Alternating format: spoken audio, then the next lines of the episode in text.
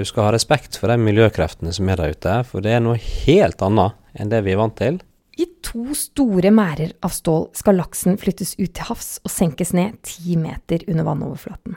Med dette håper Norway Royal Salmon å slippe unna lakselusa.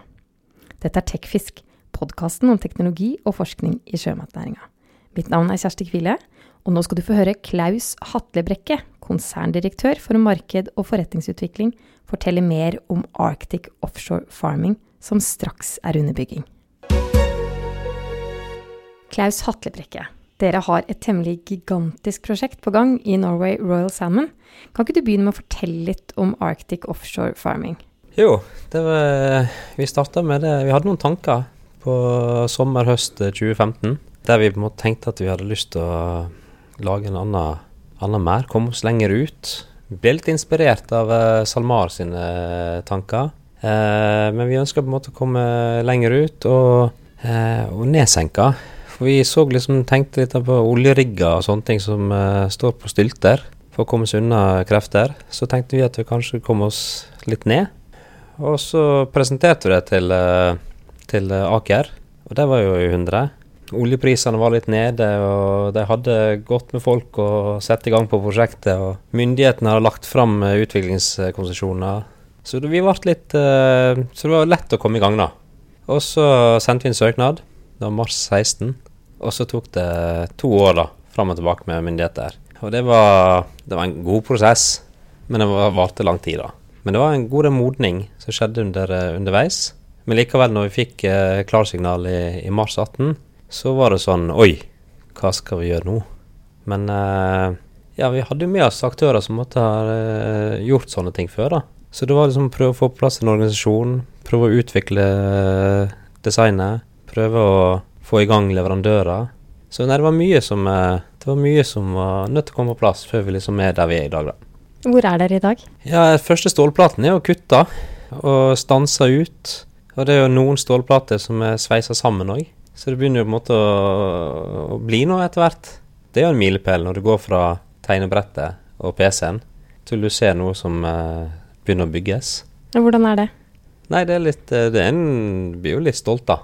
Så det er jo litt uh, stas. Og folk er positive. Masse leverandører som har lyst til å være med. Så det er på en måte en positivitet rundt det. og i firmaet så er det en, så er det en stolthet rundt, rundt det.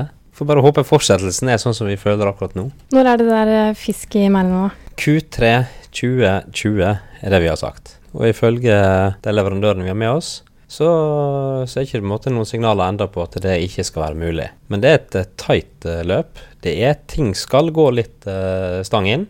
Men vi har jo et annet løp som går ved siden av, og det er jo den biologiske sida. Så vi skal jo som eh, også sette ut fisk på rundt 1-1,5 kilo. Men den, eh, den, fisken på 100 gram osv., den skal jo settes i sjøen nå i høst allerede. Så da løper det biologiske løpet ved siden av det teknologiske eh, sida. Eh, vi har fortsatt ikke, så vet ikke vi nøyaktig hvor vi skal plassere enheten. Så det er utfordringer. Men eh, per i dag så ser, vi, så ser vi lyst på muligheten til å kunne levere på det. Nå er det jo deler av eh, hvert fall, som flyttes ut i havet. Ja. Hva er viktig å tenke på da?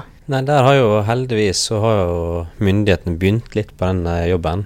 De har levert ut en rapport rundt offshore havbruk. Eh, så i forhold til å, hvilke regelverk og sånt en skal forholde seg til, så jobben er jo på en måte starta, men det er langt igjen. Og det, det, er Du skal ha respekt for de miljøkreftene som er der ute, for det er noe helt annet enn det vi er vant til. Eh, og når du ikke har regelverk, og du ikke har erfaringer, og du ikke har eh, på drifte på sånne plasser, så er det noe du, du går til med litt ydmykhet. For det, du skal dobbeltsjekke og trippelsjekke og passe på å være litt forsiktig når du skal bevege deg ut på sånne plasser. Dere har jo selv opplevd at det ikke alltid er så enkelt. Dere ville plassere Arctic Offshore Farming i Øyfjorden på Senja, og så møtte dere ganske sterk motstand. Ja, så der var det, og det er klart at i alle sånne lokalitetsdebatter og diskusjoner, så er det noen som er positive, og andre som er negative. Eh, vi har sendt inn søknader på to lokaliteter. En i Øyfjorden og det andre i, i Tromsø kommune. Eh, og begge de eh, søknadene går nå, går nå sin gang. Og det er opp til fylkeskommunen til slutt å ta, ta en beslutning. Vi har fått noen svar fra, fra sektormyndigheter, og det er klager på noe og andre ting som er bedre. Og, så dette er en prosess som vi ikke ser for oss at vi er i mål med før ja, kan, forhåpentligvis kanskje i september-oktober neste år. Eller nei, i, i år. Så på utpå høsten så, så håper vi at vi har en eh, lokalitet på plass. Sånne konflikter, da. Hvor mye tror du man vil få av det fremover? Eh, nei, litt av tanken bak å komme oss lenger ut, er jo på å skape mindre konflikter.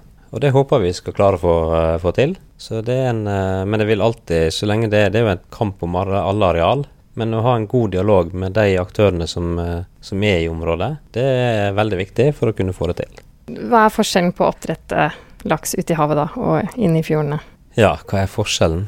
Eh, alt, som- alt som har med teknologien å gjøre, er jo veldig forskjellig.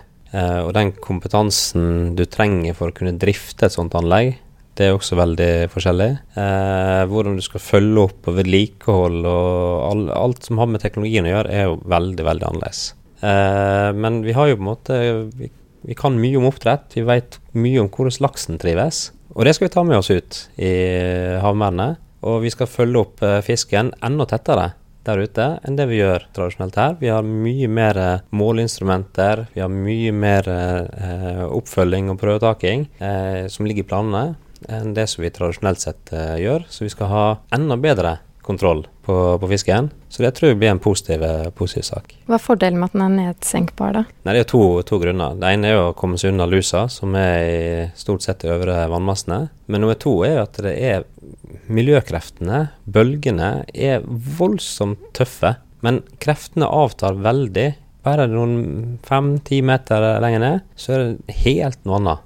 Og det har vi sett på de modellforsøkene vi vi har gjort. Så er det på en måte det er rolig eh, lenger nede. Det er nesten bare strømmen som, eh, som påvirker. Eh, og vi ser jo det på fisken i dag òg. Når det er ruskevær og dårlig, så går jo fisken lenger ned der det er, er rolig. Så det er både for å, for å beskytte utstyret og beskytte fisken, og komme oss unna lusa, som er gevinstene ved å gå og senke oss ned. Ja, for dette er jo helt nytt. Altså, Hvor eh, trygg er du på at dette er sikkert for fisk og folk? Ja, nå er det sånn at Dette er jo basert på den forskningen som Havforskningsinstituttet har gjort over mange år. Og De har kommet fram til at dette funker godt. Selv med eh, luftareal som bare er på et par prosent av, eh, av det to to totale arealet som, eh, som fisken har å, å benytte seg av. Vi i vårt eh, system har nesten 10% av overflatearealet har vi som en kunstig overflate, som gjør at fisken har mulighet til å fylle eh, svømmelæra. Og det som var litt overraskende under modelltesten vi hadde i, i sommer, var jo at selv i en 50-årsstorm og virkelig ruskevær på alle tester på alle mulige måter, så klarte de ikke å, å få vekk mer enn 30 av lufta. Så fisken vil uh, i, i AOF alltid ha tilgang på, på luft. Og det blir også monitorert på forskjellige måter, for å være helt sikre på at fisken har tilgang til det. Hva er det som skjer nå de neste månedene med merda, da? Da er det flere stålplater som blir kutta. Verftet har jo fått eh, så mye stål å, å jobbe med, men om et par uker så kommer den virkelige mengde med, med stål, så da har de masse å jobbe med. så ja, eh, på, så det er på den sida. Eh, vi jobber oss mye med fortsatt med lokaliteter. Vi jobber fortsatt på fòrflåten, og det jobbes mye med slanger og den sida der, fra fòrflåte til, til merde. Eh, og, og ikke minst eh, forankringsopplegget. Så vi er på en måte kommet dit at eh, design av mer er ferdig, og egentlig fòrflåte òg. Men, men vi har ikke på en måte lagt løpet ennå på, på anker og kjetting og, og de marine operasjonene for å, når merda blir ferdig. Hvordan ser oppdrettsnæringa ut i framtida? Nei, i all hovedsak så er det dagens teknologi som skal være dominerende i lang, lang, lang, lang tid. Men eh, jeg tror nok at eh, vi får flere aktører som vil prøve seg lenger ute. Myndighetene legger til rette for, eh, for eh, at vi skal prøve oss eh, lenger ute. Eh, så bare viktig at vi gjør det gradvis, og vi tar det Og det bør være en eller annen form for prekvalifisering av teknologi som skal ligge der ute. Så jeg tror det blir mye spenning og moro. Eh, men det, i all hovedsak så er det dagens teknologi som vil dominere. Du har nå hørt på Tekfisk, podkasten om teknologi og forskning i sjømatnæringa. 18.6 har vi live podkast på Verftet i Bergen. Temaet er fremtidens havbruk, og på scenen vil vi intervjue oppdrettere, leverandører og gründere om digitalisering og ny teknologi. Du kan melde deg på på intrafish.events slash techfisk direkte Bergen i ett ord. Håper vi ses!